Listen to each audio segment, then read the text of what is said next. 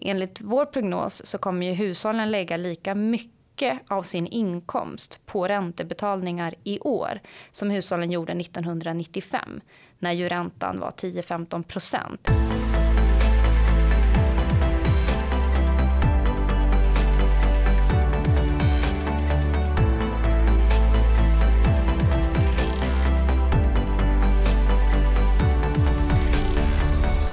Susanne Spektor är doktor i nationalekonomi och arbetar som chef för makroekonomisk analys vid Nordea.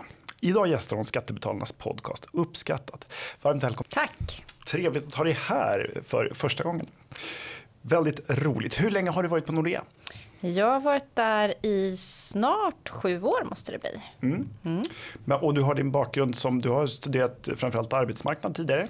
Ja, precis. Jag mm. skrev ju min avhandling i gränslandet mellan makroekonomi och arbetsmarknadsekonomi. Mycket om arbetslöshet. Mm. Och förklara för oss skillnaden mellan makro och mikroekonomi, vad är den? Ja, makroekonomi, då tittar man ju på hela ekonomin samtidigt. Medan i mikroekonomi så tar man ju ut någon del. Man kanske tittar på vad gör hushållen i det här läget och sen så är det ju alla små delar som sen blir makroekonomin. Så jag tycker ändå att jag är en mikroekonom som alltid tänker på ekonomin liksom nerifrån och upp istället mm. för uppifrån och ner. Just det. Ja, spännande. Eh, vi ska prata lite om, om eh, det ekonomiska läget i Sverige idag som jag vet att du har ögonen på i princip 24 timmar om dygnet. Eh, vi börjar, Riksbankschefen Erik Thedéen han var med i SVTs 30 minuter häromdagen och upprepade då budskapet om att Riksbanken planerar att höja räntan med mellan 25 och 50 punkter vid nästa penningpolitiska möte i april. Och allt det här finns det olika åsikter om. Tidigare finansminister Anders Borg har till exempel varit ute och kommenterat att det är naturligt att Riksbanken höjer räntan men att man nu börjar närma sig en nivå som är lagom. Och andra, eh, inte minst då Svenskt Näringsliv har sagt att man ska ta det försiktigt och inte höja för mycket. Hur är det nu? Är räntan för hög eller för låg eller är den alldeles lagom? Ja, det är ju svårt att veta utan att ha facit. Och man kan väl säga att det finns ju många åsikter om vad Riksbanken borde göra ibland så tror jag att de här åsikterna egentligen kanske inte handlar så mycket om vad Riksbanken borde göra utan vad man tror om ekonomin. En del är väldigt säkra på att inflationen snart faller tillbaka och att det här är en tillfällig inflationsuppgång. Och det är klart att är man väldigt säker på det, ja då verkar det ju onödigt för Riksbanken att höja räntan igen. Medan om man är mer orolig över att inflationen faktiskt fortsätter överraska på uppsidan, acht att eh, tittar man på de här underliggande inflationsmåtten så är de väldigt bekymmersamma och mycket högre än vad Riksbanken räknade med senast. Och är man orolig för att inflationen ska bita sig kvar, ja då behöver ju Riksbanken fortsätta höja räntan. För å ena sidan är räntan hög givet den skuldsättning som vi har. Vi kommer se boräntor som tredubblas. Eh, så i den bemärkelsen så är det ju åtstramande. Men utifrån ett historiskt perspektiv och vad inflationen ligger på så är ju räntan inte så hög. Så att eh, jag tror att jag är mer orolig för inflation och för att inflationen ska bita sig kvar. Eh, därför tycker jag att det är rimligt att Riksbanken fortsätter höja räntan och eh, givet Erik Thedéens eh, signalering här också att det blir 25 eller 50 punkter så är det ju det man också ska räkna med. Men vi får se de närmaste månaderna om den här inflationsnedgången som vi har hoppats på så länge också börjar materialiseras mer tydligt. Mm. Ja, för vi har ju levt i en eh, nästan inflationsfri eller i alla fall väldigt låg inflationsmiljö under väldigt, väldigt många år. Och eh, när jag pratade med många ekonomer bara för ett par år sedan så var ju förutsägelsen var att räntorna kommer alltid vara så här låga. Det här är det nya normala, det kommer inte bli högre och, och blir det högre så kommer så många länder liksom gå i konkurs. Så det går inte och, och plötsligt så är vi här. Hur kunde man inte förutse det här? Men dels så är det väl för att man, vi människor tar alltid in det som den närmaste historien mest. Eh, och givet hur det hade sett ut, att inflationen, man hade försökt få upp inflationen i nästan 20 år och den inte dök upp, så var det inte helt orimligt att eh, centralbanker och regeringar liksom underskattade risken för inflation om man skickade ut väldigt mycket pengar i ekonomin samtidigt under pandemin. Särskilt när många hushåll var inlåsta mer eller mindre eller åtminstone stannade hemma och köpte saker för pengarna. Ja, då gick det inte att skala upp utbudet lika snabbt. Ehm, och med facit i hand så känns det ju ganska självklart att om man framförallt i USA då eh, stimulerade ekonomin mycket med checkar nästan 14 procent av BNP och BNP-tappet var ungefär 2. Så, så då känns det inte så konstigt. Eh, men givet att man hade försökt så mycket och ändå skickat ut mycket pengar via centralbankerna så var det kanske inte helt orimligt. Och även om jag var orolig för inflation redan då så kunde man ju ändå inte föreställa sig tvåsiffrig inflation på det sättet som vi har fått. Så, och nu är ju frågan vad, vad är liksom den bästa historiska analogin för vart vi ska? Och det som är varför jag är orolig det är ju för att historiskt så har vi ju emellanåt flyttat oss mellan de här låginflationsmiljöerna och höginflationsmiljöer. Och inflation är också i någon mån självuppfyllande. Än så länge ser det ut som att de flesta förväntar sig att inflationen ska tillbaka och centralbanken agerar ju resolut. Så det är mycket som talar för att inflationen ska ner. Men det är också väldigt mycket vi inte förstår kring inflation. Och det är väl en av de saker i nationalekonomisk forskning som man faktiskt vet minst om. Varför var den låg? När den var låg? Varför var den hög när den var hög? Och vad gör att den flyttar sig mellan de här tillstånden? Mm. Ja, och särskilt att det tog eh, också ett bra tag. Man öste in pengar i systemet och ingenting särskilt hände och nu kom inflationen. Ja, exakt och det tror jag för att det tar lite tid för beteenden att förändras. Jag kommer ihåg tidigt 2021 då var det ju väldigt höga fraktpriser, det var höga råvarupriser. Och jag träffade en del företag och frågade, men ska ni inte höja priset då? Och då var ju nästan reaktionen, men är du galen? Det är klart man inte höjer priset. För det satt långt inne, man hade ju mm. inte gjort det. Eh, och sen träffade jag dem igen eh, några månader senare och frågade, ja men har ni höjt priset? Ja det är klart vi har höjt priset, det har ju alla gjort. Och sen dess har ju de företagen höjt priset kanske tio gånger. Och nu ska de då boxas in och säga att nej men nu har jag gjort det sista gången, nu ska vi vänta i princip tio år igen. Innan vi får en prishöjning till. Och det är inte bara, alltså det är ju uppmuntrande att kostnaderna kommer ner på frakt och på energi. Så kostnadstrycket ser ju lägre ut. Men låginflationsmiljön präglades ju inte bara av låga kostnader utan att företagen inte heller justerade priset när kostnaderna ändrats. Och, och där tror jag att det finns en risk att företagen kommer vara mer prisvarierande liksom, Just framåt. det, att, att det inte släpar lika länge innan nästa innan prishöjningsbeslut kommer. Exakt, nu har man ju vant sig. Mm. Och det, också, det, har också skett ett skifte och hur viktigt det är jättesvårt att bedöma. Men om vi tittar tillbaka till det här decenniet då inflationen var så låg. Då var det också tillväxt som var liksom det som företag premierades för på börsen. Det spelade ingen roll om man tappade i lönsamhet så länge man hade tillväxt. Det var egentligen bara tillväxt, tillväxt, tillväxt. Och då är det klart att ja, men då kunde man ju ta lite på vinstmarginalen. Medan i den här miljön med högre räntor så är det bara lönsamhet, lönsamhet, lönsamhet som premieras. Och i, så, i en sån miljö kommer ju företagen då vara tvungna också att justera priset mycket mer än när allt handlade bara om att ta marknadsandelar och ha tillväxt. Så det är också en sån där bubblare på hur viktigt blir det framåt. Just det, och det, man, precis, det var viktigt att, att få in kapital på marknaden och när pengar i princip var gratis eftersom räntorna var så låga så, så hade folk mycket pengar att stoppa in i företag som kunde vara lönsamma, om inte nu så kanske på sikt. Ja, exakt.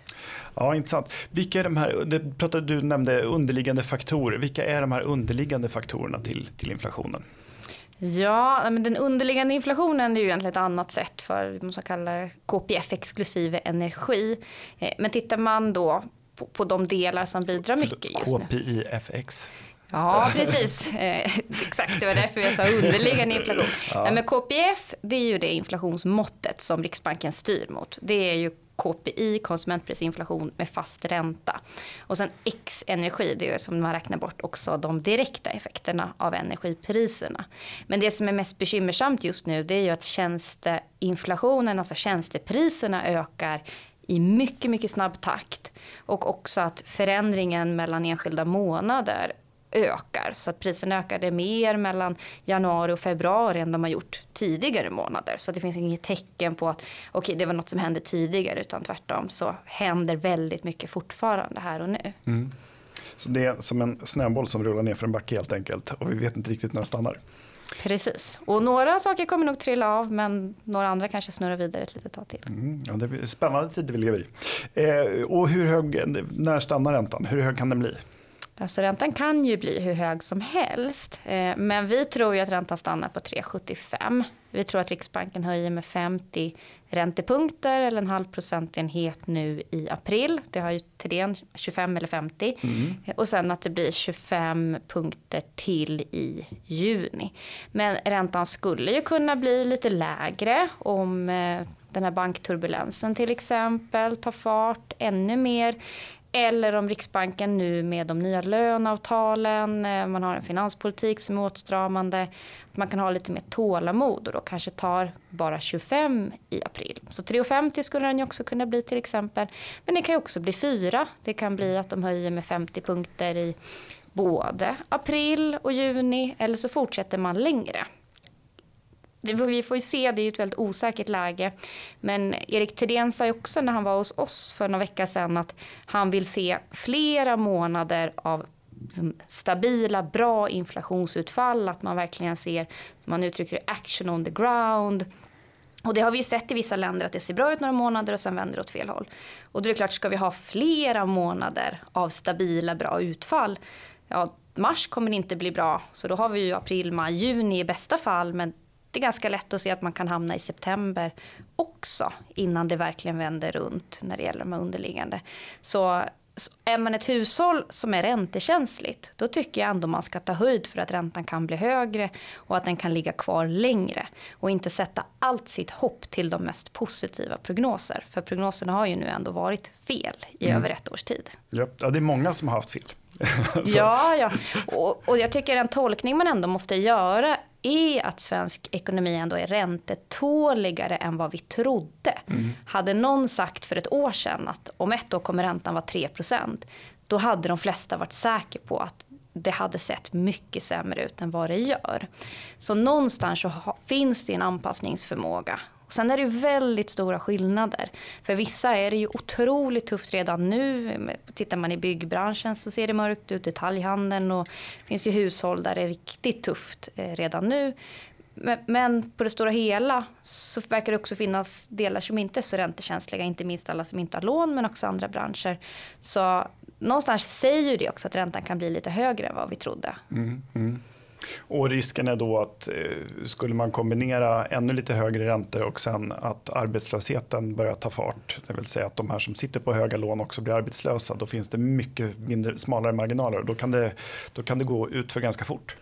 Ja, det finns ju, finns ju risker. Nu ska man komma ihåg att om man har riktigt höga lån så har man väl amorterar man oftast. Mm. Och blir man arbetslös så behöver man ju inte amortera under den perioden. Så det finns ju en liten buffert där. Eh, och sen min bedömning är nog ändå att det är klart att det framförallt i byggbranschen eh, antagligen kommer bromsa in ganska mycket och där kan ju personer med bolån också bli arbetslösa. Men annars så ser det väl ut som att arbetslöshetsuppgången i huvudsak kommer drabba de som oftast blir arbetslösa. Personer som i mindre utsträckning har bolånen mm. än andra. Mm, de som precis står, inte står långt från arbetsmarknaden men, men står väldigt nära att vara utanför arbetsmarknaden helt enkelt. Ja, exakt. Mm. Med svagare förankring till mm. arbetsmarknaden generellt. Vad riskerar konsekvenserna då av en sån här eh, högre ränta bli på lite sikt om vi fastnar i det här läget? Vad, vad, vad kan vi förvänta oss av svensk ekonomi då? Ja, men det kommer ju vara en kämpig omställning och det tror jag att det kommer bli oavsett att hushållen och företag behöver vänja sig vid ett nytt ränteläge. Och det är jag inte helt säker på att man helt har tagit in. Jag tror att det är ganska många som lever på hoppet att snart sänker nog Riksbanken räntan och ganska mycket och därför försöker jag överbrygga det här. Men det är svårt att se att vi kommer tillbaka till nollräntor inom en snar framtid och jag vet inte om det är en förhoppning eller en prognos, men jag tror också att centralbanker har lärt sig att nollränta kanske inte var det bästa och man kanske stannar på 1% även i ett scenario där, där räntan ska ner ganska mycket. Eh, men skulle det bli mycket högre räntor Eh, eller om vi ligger kvar på 3,75 eller över 3. Det tror jag inte hushållen tagit med i sina beräkningar. Så då kan man ju tänka sig att bostadspriser ska justeras mer än de har gjort. Att det finns fortsatt eh, fallhöjd på, på dem. Det är ju väldigt dyrt att köpa en ny bostad idag med dagens räntenivåer och prisbild. Så min tolkning av att bostadsmarknaden ändå ser ut att ha stabiliserats är att hushållen inte tror på den här räntenivån. Skulle mm. det visa sig vara så, så finns det ju en risk att, att vi behöver justera. Men sen är det lite tudelat kan jag tycka. Det här har gått väldigt snabbt. Det är väldigt besvärligt för många för man kan hamna helt fel i, i liksom positioneringen här. Och det var svårt att ens ta höjd för. Men på sikt kanske det är bra också om pengar har ett pris. Att vi hade ju också problem med nollränta. Ja, det är ju bizarr, det är bisarrt att pengar ska vara gratis att låna. Ja, och då pratade vi mycket om zombieföretag och mm. låg produktivitet. Och zombieföretag är ju ett företag som kanske skulle ha slagits ut med en normal ränta överlever och då binder upp resurser från andra, binder upp arbetskraft från mer produktiva idéer. Så på sikt kanske det skulle vara bra. Men det är klart att nu går det väldigt snabbt och då mm. kan man riskera att också företag som egentligen skulle kunna må bra i en sån miljö eller hushåll hamnar fel. Just det. Just det, men pengar bör ha ett pris. Och det här är ju eh, inte om man jämför, jag som växte upp på 80 och 90-talen, eh, det här, jag menar, det här är ju inte räntenivåer som är anmärkningsvärda i ett historiskt perspektiv utan tvärtom skulle man väl säga. Ja, men verkligen. Men däremot så blir de ju anmärkningsvärda i ett historiskt perspektiv för att man har anpassat sig till det gamla, ja. till nollränta. Så enligt vår prognos så kommer ju hushållen lägga lika mycket av sin inkomst på räntebetalningar i år som hushållen gjorde 1995 när ju räntan var 10-15 procent. Ja. Så då var bostadspriser väldigt mycket lägre, lånebeloppen var mindre. Så i den bemärkelsen så kommer vi faktiskt tillbaka till 90-talet. Eh, och där får vi ju se om hushåll, dagens hushåll egentligen är beredda att lägga det. Om mm. det skulle visa sig att det är mer, ett mer permanent skifte. Man röstar för det. Hur är det nu? det pratades om att vi hade inte bara nollränta utan att vi hade väldigt lite inflation. Men det har ju invänts med att Stefan Fölster som, eh, som tidigare chefekonom på Svenskt Näringsliv Eh, Eh, han, eh, han sa att inflationen ligger inbyggd i att vi får eh, mer för mindre. Det vill säga att en, en iPhone kostar liksom ja, den har inte ökat i pris, den har stått i princip stilla. Men den, en, en ny iPhone idag är mycket, mycket bättre än den första var. Så att vi har fått liksom mer och mer teknik. För, vi får ett Netflix-abonnemang för eller HBO eller så, så kostar det 80 spänn i månaden eller en hundring eller någonting. Och det kunde du hyra två filmer för när jag, när jag växte upp. Mm. Så att du får liksom mycket, mycket mer för det här. Ligger inte inflation i det som bara inte syns? Men det finns ju delvis med. Det är det som är KPI. Det ska mm. egentligen vara konstant, alltså ett konstant nyttoindex. Mm. Men sen är det klart att det finns svårigheter med att uppskatta exakt hur mycket mer nytta har man fått. Men det finns ju att mobiltelefonen har blivit bättre. Det fångas. Mm. Men sen är det ju frågan om man kan fånga att en mobiltelefon idag både kan vara en tv, en kamera, en telefon och hur mycket mer värde. Det, så det finns ju svårigheter i mätningen men det är ju inte så att man har missat det egentligen eh, när man mäter inflationen. Men jag tycker en, en takeaway eller någon, en slutsats som man får dra här är ju att det var inget problem när inflationen var 1% Det var inte man försökte väldigt mycket få upp den till två, men det var en ganska liten sak ändå. Medan den här inflationen är ett jätteproblem och bekymmersam för många. Så det är också kanske mer en förhoppning att man ser att det kanske inte är tiondelarna man ska jaga utan att det handlar om stabila priser. Mm. Och sen om stabila priser är tre eller en kanske inte det egentligen spelar så stor roll. Nej, så Riksbankens inflationsmål det är där man som jag har varit där de verkligen har knutit sig vid masten vid utan att riktigt, riktigt lyckats nå det heller. Men, men det har ju verkligen varit, det ska vara 2 Eh, det kanske inte har varit så klokt alltså. Eh, skatter är ju ett kärt ämne för oss. Hur påverkar skatterna inflationen? Ja, så länge de är oförändrade så spelar det väl inte någon större... Alltså då påverkar det väl inte inflationen alls mellan enskilda år eftersom pri, inflation är prisförändringar.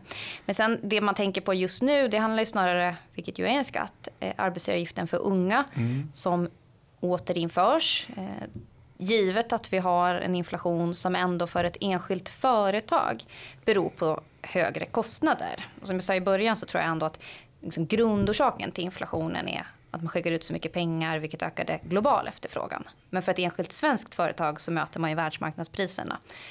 Och därför har man justerat priset. Och särskilt i den här miljön när företagen nu verkar ta ut kostnadsökningar i högre pris. Så det är klart att allting som ökar priset eller kostnaderna för mm. företagen borde vara inflationsdrivande. Så skulle man velat ha gjort politik som skulle underlätta för inflationen då hade det ju varit tvärtom. Att tagit ner arbetsgivaravgifterna snarare ytterligare eller hittat andra sätt att eh, minska företagens kostnadsbörda. Men för hushållen så spelar det ju ingen större roll. Det är klart att på marginalen om man nu skulle säga att vi skulle slopa alla inkomstskatter, ja då skulle hushållen få mer pengar. Kanske efterfrågan skulle öka och det skulle bli svårare att få ner inflationen. Men jag tror efterfrågekomponenten eh, från hushållen med de skatteförändringar man kan föreställa sig skulle kunna genomföras är ganska liten i förhållande till de andra stora skeendena. Mm. Ja, för Konjunkturinstitutet är inne på det att både energiskatter och skatter på arbete kan sänkas för att motverka lågkonjunktur eller risken för lågkonjunktur, om vi är inne i den eller inte. Men eh, medan de inte är inflationsdrivande i någon särskild utsträckning. Så det vore en, eh, i är vår tolkning då att det, vore, det, skulle vara en bra stimulans för att mota lågkonjunkturen i grind utan att riskera på inflationen. Ja, men jag tror att det finns, jag tror finanspolitiken skulle kunna ta en större roll än vad man gör. Det är ju sympatiskt att man inte vill bedriva en finanspolitik som eldar på inflationsproblemet. Men eh, ja, dels skulle man kunna göra saker på kostnadssidan som ju direkt skulle kunna vara inflationssänkande. Men sen tror jag också, och om man går tillbaka till historien och tittar på perioder med hög inflation så är ju det är väldigt politiskt, det är väldigt impopulärt. Det är många, det hör vi ju röster i Sverige också, som inte vill ha höga räntor. Och genom att då göra liksom underlätta för hushållen utan att elda på efterfrågan så här jättemycket skulle också kunna skapa större legitimitet för eh, den politik som Riksbanken behöver driva och lite större tålamod. Och det är ju uppenbart just nu ändå Detaljhandelsförsäljningen går otroligt dåligt, eh, får man ändå säga. Den är ner nästan 10% från ett, ett år tillbaka. Det är inte efterfrågan i ekonomin just nu som driver inflationen. Så att hushållen behöver stramas åt ändå mer, det är ganska svårt att se. Eh, däremot så behöver nog Riksbanken fortsätta med sin räntepolitik. Lite beroende på vad centralbanken i omvärlden gör. Riksbanken måste ju hålla hyfsat jämna steg med mm. andra centralbanker för att inte kronan ska försvagas ytterligare. ytterligare.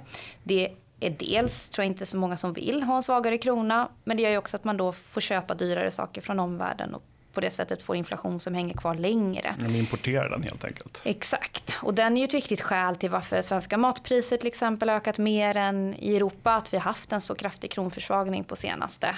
Tittar vi på matpriserna i euro så har vi egentligen inte haft någon ökning av matpriserna de senaste månaderna men, men kronförsvagningen slår igenom.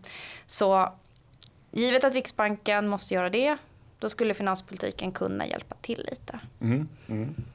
Och hur bör vi komma till bukt med den här svaga kronan eller är det, är det lugnt? Är det bra för industrin för att vi ökar exporten eller? Det är ju svårt att säga men jag tror att den här kronförsvagningen är ju bekymmersam eftersom den slår mot de branscher som har det tuffast just nu och där också eh, vi ser mest inflation eller mm. de som ligger närmast hushållen. Det vill säga detaljhandeln som köper mycket i euro eller dollar och säljer i svenska kronor. Eh, men också delvis tjänstesektorn som jag också köper en del från utlandet. Industrin är ju mer tudelat för svensk basindustri som har de flesta kostnaderna i, svenska kronor eh, och säljer på världsmarknaden. Då är det klart att det är gynnsamt. Men det är också många svenska industriföretag som ha en ganska stor import och så förädlar man och säljer. Så, så där är det inte lika självklart att man gynnas eh, av en svag krona. Så på det stora hela så vore det bättre för svensk ekonomi om kronan var starkare. Men det är inte helt lätt att åstadkomma. Nej. Nej, och den har ju försvagats eh, sakta men säkert under ganska många år också. Ja, precis. Och där tror jag Riksbanken som ju var tydliga nu i februari med att man vill se en starkare krona. Mm. Det är ändå en signal. Och, och tittar man på vad som har hänt så är i alla fall den här kronförsvagningen som pågick innan Riksbanken lämnade sitt räntebesked sett ut att stanna av. Även om kronan fortfarande är väldigt svag. Så, så trenden kanske har brutits. Men kronan borde ju vara starkare, det tycker ju alla ekonomer. Ja. Det är därför man har fel i prognos om att den ska stärkas på sikt. Ja. Um, och det är lite svårt ibland att förstå. Men det är klart just nu när svenska hushåll är räntekänsliga och vi har en hög inflation, dessutom mer osäker omvärld, så är det svårt att se någonting som ska hjälpa kronan så här och nu. Mm, mm. Och så är det en liten valuta som är osäker att investera i också. Exakt, och det kan man ju ändå för kronans försvar säga att den norska kronan går ju faktiskt lika svagt ungefär som svenska kronan. Så att allt är kanske inte allt, bara Riksbankens fel som det ibland låter i svenska debatten. Ja, just nu är de verkligen hackkyckling nummer ett. Eh, om vi ska gå vidare, hur, vi har ju nyss fått ett märke på svensk arbetsmarknad, det vill säga märket är ju då när eh, industrin kommer överens med eh, sin, sina fackliga motparter om att sätta ett märke för lönesättningen, om löneökningar de kommande åren och man enades då om ett tvåårsavtal och det ska då vara vägledande för övrig svensk arbetsmarknad. Det finns några förbund, till exempel Transportarbetarförbundet som, som vill ha mer, men, men eh, vi får se vad det ger. Men i huvudsak då ska det ge 4,1 procent i år och 3,3 procent eh, extra i plånboken nästa år. Det här är ju väldigt höga siffror, du som, inte minst du som har tittat på arbetsmarknadsfrågor tidigare. Eh, hur kommer det här påverka inflationen? Vi har sett det har varit i runda slängar lite drygt 2 per år. Nu ser vi eh, ett år det dubbla och en och en halv gånger tidigare märken nu. Hur påverkar det inflationen? Men dels eh, så tror jag, här och nu så är det ju inte lönerna som driver inflationen. Och de här löneavtalen är ju visserligen högre i nominella tal, alltså de faktiska ökningarna som man får. Men jag tycker när man tolkar de här löneavtalen så måste, behöver man också ha med sig att inflationen är hög och att reallönerna har fallit kraftigt. Och även om det då för ett enskilt företag så har man ju de flesta företag höjt priserna för att kompensera för de kostnadsökningar man har. Det betyder att det har inte skapats ett stort vinstutrymme som ger liksom, löne, plats för löneökningar. Men så har jag ändå liksom arbetskraftskostnadernas relativa andel av de totala kostnaderna fallit. Mm. Så reallön, att reallönerna har sjunkit innebär ju ändå att det här löneavtalet ska ses i, ljuset av det. Och sen om vi ska ta ett lite längre tidsperspektiv så är de här löneavtalen ganska väl i linje med hur det såg ut innan perioden med väldigt låg inflation och modesta löneökningar. Så i vår prognos så kommer vi faktiskt ha lite lägre löneökningar i år än vi hade i mitten av 2000-talet. Så de här löneökningarna i nominella tal är ganska väl i linje med inflationsmålet och givet att reallönerna har fallit så mycket som de har gjort så är de inget hot mot inflationsnedgången och de är heller inte någon oro för Riksbanken. Tvärtom att det blev ett tvåårsavtal ger ju att Riksbanken får mer tid på sig nu att föra inflationen till målet eh, någon gång under nästa år. Hade vi haft ett ettårsavtal som det såg ut som det skulle kunna blivit, ja då hade det ju varit bråttom avtalsrörelsen börjar ju i oktober med att fackföreningarna börjar formera sig kring ett krav. Nu blir det i oktober 2024 istället för oktober i år. Så det ger ju Riksbanken mer, eh, mer utrymme. Och 3,3 som det är nästa år, ja, det är ju en löneökning som man brukar säga är väl i linje egentligen med, med ett inflationsmål på 2 mm. Så det man kan säga här, vi, vi har en svensk modell för arbetsmarknaden som tycks ha funkat väldigt bra och där vi har nu en stora delar av fackföreningsrörelsen i alla fall som har tagit ett stort ansvar. Kan, man, kan jag utläsa ditt svar så? Ja men verkligen. Jag mm. tycker fackföreningarna har tagit eh, ett oväntat stort ansvar. Mm. Egentligen inte oväntat i den svenska Kontext. kontexten mm. men om man jämför med hur det ser ut i andra länder.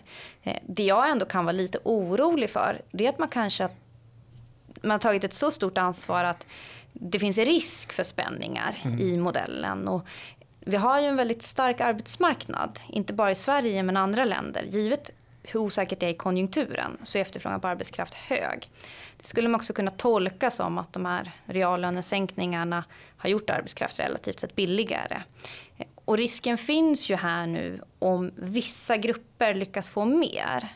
Inte i märket, men i löneglidning. Mm då skulle det kunna skapa spänningar till nästa avtalsrörelse. Och de spänningarna har ju levt i svensk arbetsmarknad ganska länge. Man brukar, löneglidning alltså när man kommer överens på arbetsmarknaden om ett, en, en procentuell ökning på ja, säg 4 procent och sen är det vissa då, inte minst då i exportdriven industri oftast, som eh, lyckas utöver detta märke förhandlas till någon eller några procent till. Och då blir det en stor skillnad mellan den som jobbar i i, i de som omfattas av den här löneglidningen, de får varje år då några extra procent löneökning mm. och tjänar då på några års sikt ganska mycket mer än de som inte omfattas av den här löneglidningen. Exakt, och det är ju, brukar ju vara en väldigt viktig liksom, fråga för mm. LO. Ja.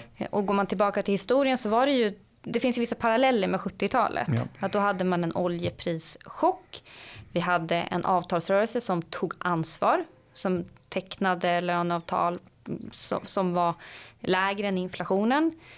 Men tjänstemännen drog ifrån. Ja. Och sen behövde LO då gå, vid, gå fram med kompensationskrav för arbetarna som ju oftast är de som inte får löneglidningen. Så, så jag kan ändå se en, en viss sån risk men samtidigt med tanke på hur konjunkturen ser ut så är det ju svårt att tänka sig en jättestor uppväxling av lönerna i den här miljön mm. när många företag kämpar för sin överlevnad. Så, så givet konjunkturutsikterna ska man inte överdriva den den risken. Nej.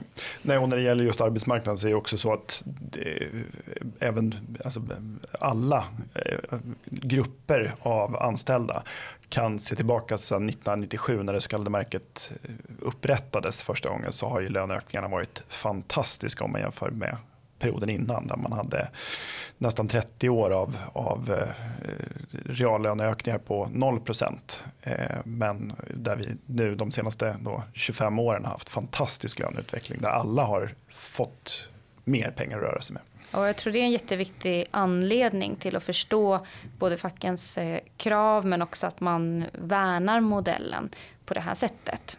Mm. Och det kanske är en skillnad också varför svenska fackföreningen värnar modellen mer än vad man hör från fackföreningar nere på kontinenten till mm. exempel. Ja, nej, det, är en väldig, det finns, verkar finnas en stor insikt om hur bra detta är. Eh, kommer märket att respekteras? Det tror jag. Det har ju mm. tecknats ett antal eh, efterföljande och ganska snabba på det också. Mm. Exakt. Och sen har vi ju modellen med Medlingsinstitutet som ju enligt lag ska se till att alla förhandlingar slutar på märket. Och så har man den starka samordningen på arbetsgivarsidan. Så det brukar ju bli starkt normerande eh, både i de faktiska avtalen. Men sen brukar det också normera i alla sifferlösa avtal och mm. även till och med i företag utan kollektivavtal så är så ju svenska märket starkt normerande. Mm. Eh, om vi hoppar över till en helt annan fråga då. Eh, och jag har pratat med andra gäster om detta i podden. Eh, vi har ett stort utanförskap i Sverige och det pratas mycket om att få in eh, fler i, att göra fler personer självförsörjande i Sverige.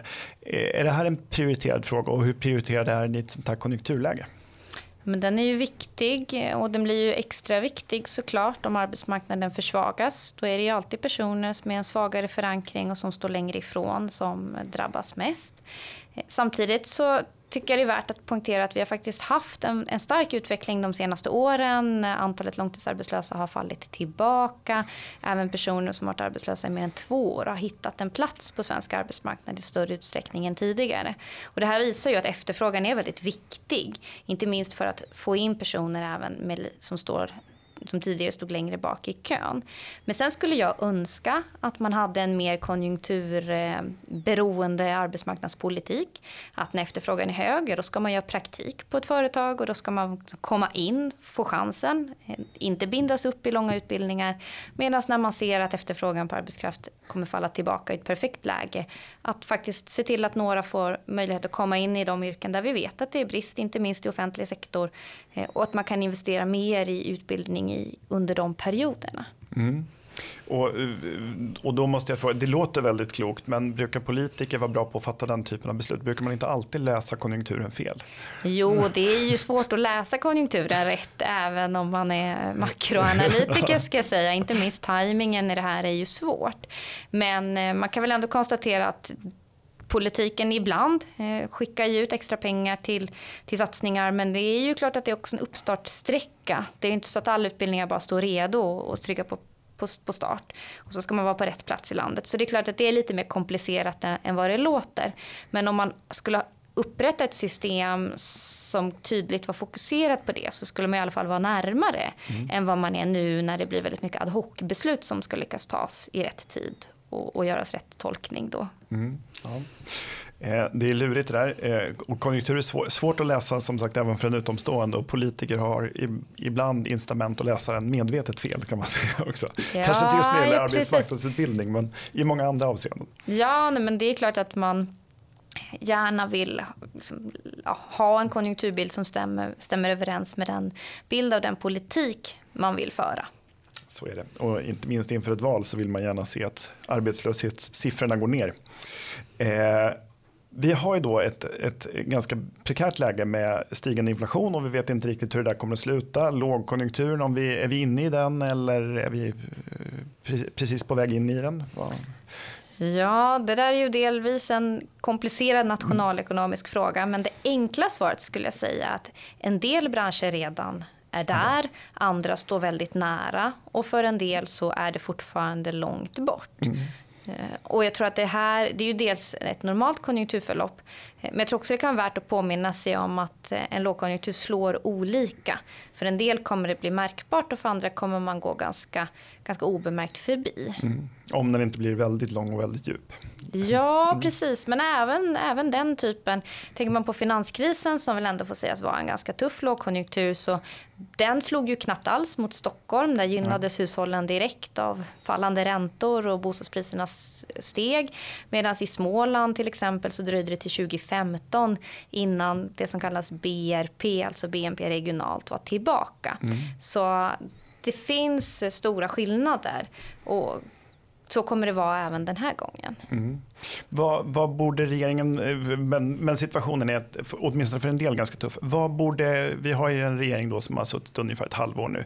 Vad borde de göra både för att eh, adressera det läge vi är i och vad borde de göra för att strukturellt, alltså mer långsiktigt stärka Sveriges konkurrenskraft och, och eh, ekonomi? Ja, men jag tror att det finns ju någonting som är klokt med att liksom, vänta och se i det här läget. Men som sagt så tycker jag att man ska egentligen göra det som är rätt och riktigt på sikt. Ha ett fokus på produktivitet, ha ett fokus på långsiktig utveckling. Eh, problemet under pandemin var ju att man gick in väldigt mycket här och nu, vilket var helt rimligt i början. Men sen höll man i för länge med, med den typen av, av stimulansåtgärder. Och här är det en väldigt svår balansgång och jag har inte svaret och jag avundas inte dem i regeringen som behöver ta ställning till detta. Men det gäller ju att hitta rätt nivå på stöd i det här läget. Vi behöver en strukturomvandling. Ekonomin måste få få liksom verka eh, som den ska. Men vi får samtidigt inte slå ut företag som skulle kunna ha som, som egentligen har en bärkraftig idé men som hamnar fel i väldigt snabba förändringar här. Mm, det är ett, ett lurigt läge att sitta på Finansdepartementet. Ja, exakt. Och känslan man får är ju att den nya regeringen eh, liksom har dragit slutsatsen av att under pandemin gick man in för mycket och för offensivt med att rädda liksom enskilda företag och att det här är mer av en normal liksom, konjunkturförlopp och att det också måste ha sin gång. Men så småningom så tror jag att det skulle vara lämpligt att göra åtgärder som stärker hushållens eh, ekonomi. Inte minst hushåll med mindre marginaler och där har man ju redan börjat agera. Sen behöver man en långsiktighet för kommun och regionsektorn. Det finns stora behov och där har man ju också en ryckighet. Som ekonom vill man ju alltid se indexerade statsbidrag, ja. indexerade eh, bidragssystem, eh, a-kassa där man inte låter tillfälligheter sätta förutsättningarna. Nej, utan, utan där man följer inflationen helt enkelt. Ja, exakt. Nu känns ju det lite lurigt eftersom mm. inflationen är så här hög. Men, men, i ett normalt läge att man räknar upp det med, med någon form av, av prisindex. Mm. För det skulle skapa en planeringshorisont. Ja. Inte minst i kommunsektorn nu så är man ju beroende av de här politiska utspelen. Och det är väldigt svårt att bedriva en långsiktig verksamhet om man ska hoppas att ja, men även nästa år kommer nog de här pengarna. Ja, och inte minst som det ofta är ganska små pengar som är i specialdestinerade satsningar som gör att du måste ha en byråkrati både på givarsidan och mottagarsidan för att kunna ta emot pengarna. Som, ja, exakt. som för mottagaren då är gratis och då är varje hundralapp värd 99 kronor. Precis. Det, det, är en, det är en stor fara. Så generellt, där måste jag hålla med SKR som ofta just säger det att ge oss eh, inte riktade bidrag utan, utan tydliga, tydliga klumpar istället. Ja, men det finns ju en, en motsättning här mellan liksom politiken som också egentligen vet att det här med riktade tillfälliga satsningar är väldigt svårt. Men sen viljan att ha en presskonferens där man kan presentera en enskild satsning på någonting särskilt. Om man kan tänka sig lockelsen i tider då man kanske inte kan sätta på sig spenderbyxorna som regering och där det ska komma överens fyra partier, att den här lockelsen kommer att vara enorm. Det finns en sån risk. Vi, vi oro, vi, jag är mycket nervös inför att vårbudgeten ska släppas här. Eh, spännande. Eh, tack så mycket för att du kom hit. Jättespännande att ha dig här. Vi får, får se om, eh, om de här prognoserna besannas och vad vi kan förvänta oss om framtiden. Men eh, om räntan sticker iväg med, tillsammans med inflationen eller om vi kan nöja oss på under 4% så vore det skönt och gärna lägre på lite sikt, säger i alla fall jag som har bolån. Tack så mycket. Tack. Uppskattat det är en podcast från Skattebetalarnas förening. Vi arbetar för låga och rättvisa skatter, rättssäkerhet för skattskyldiga och minskat slöseri med skattepengar. Vi bildar opinion och folkbildar i skattefrågan och vi lever som vi lär och tar bara emot frivilliga bidrag. Uppskattar du podden så kan du gärna ge oss ett gott betyg i din app och vill du medverka till att Sverige blir ett land med minskat slöseri och rimligare skatter så stödjer du oss enklast genom att bli medlem. Läs mer och bli medlem på www.skattebetalarna.se bli medlem. Till nästa vecka, ha det så bra.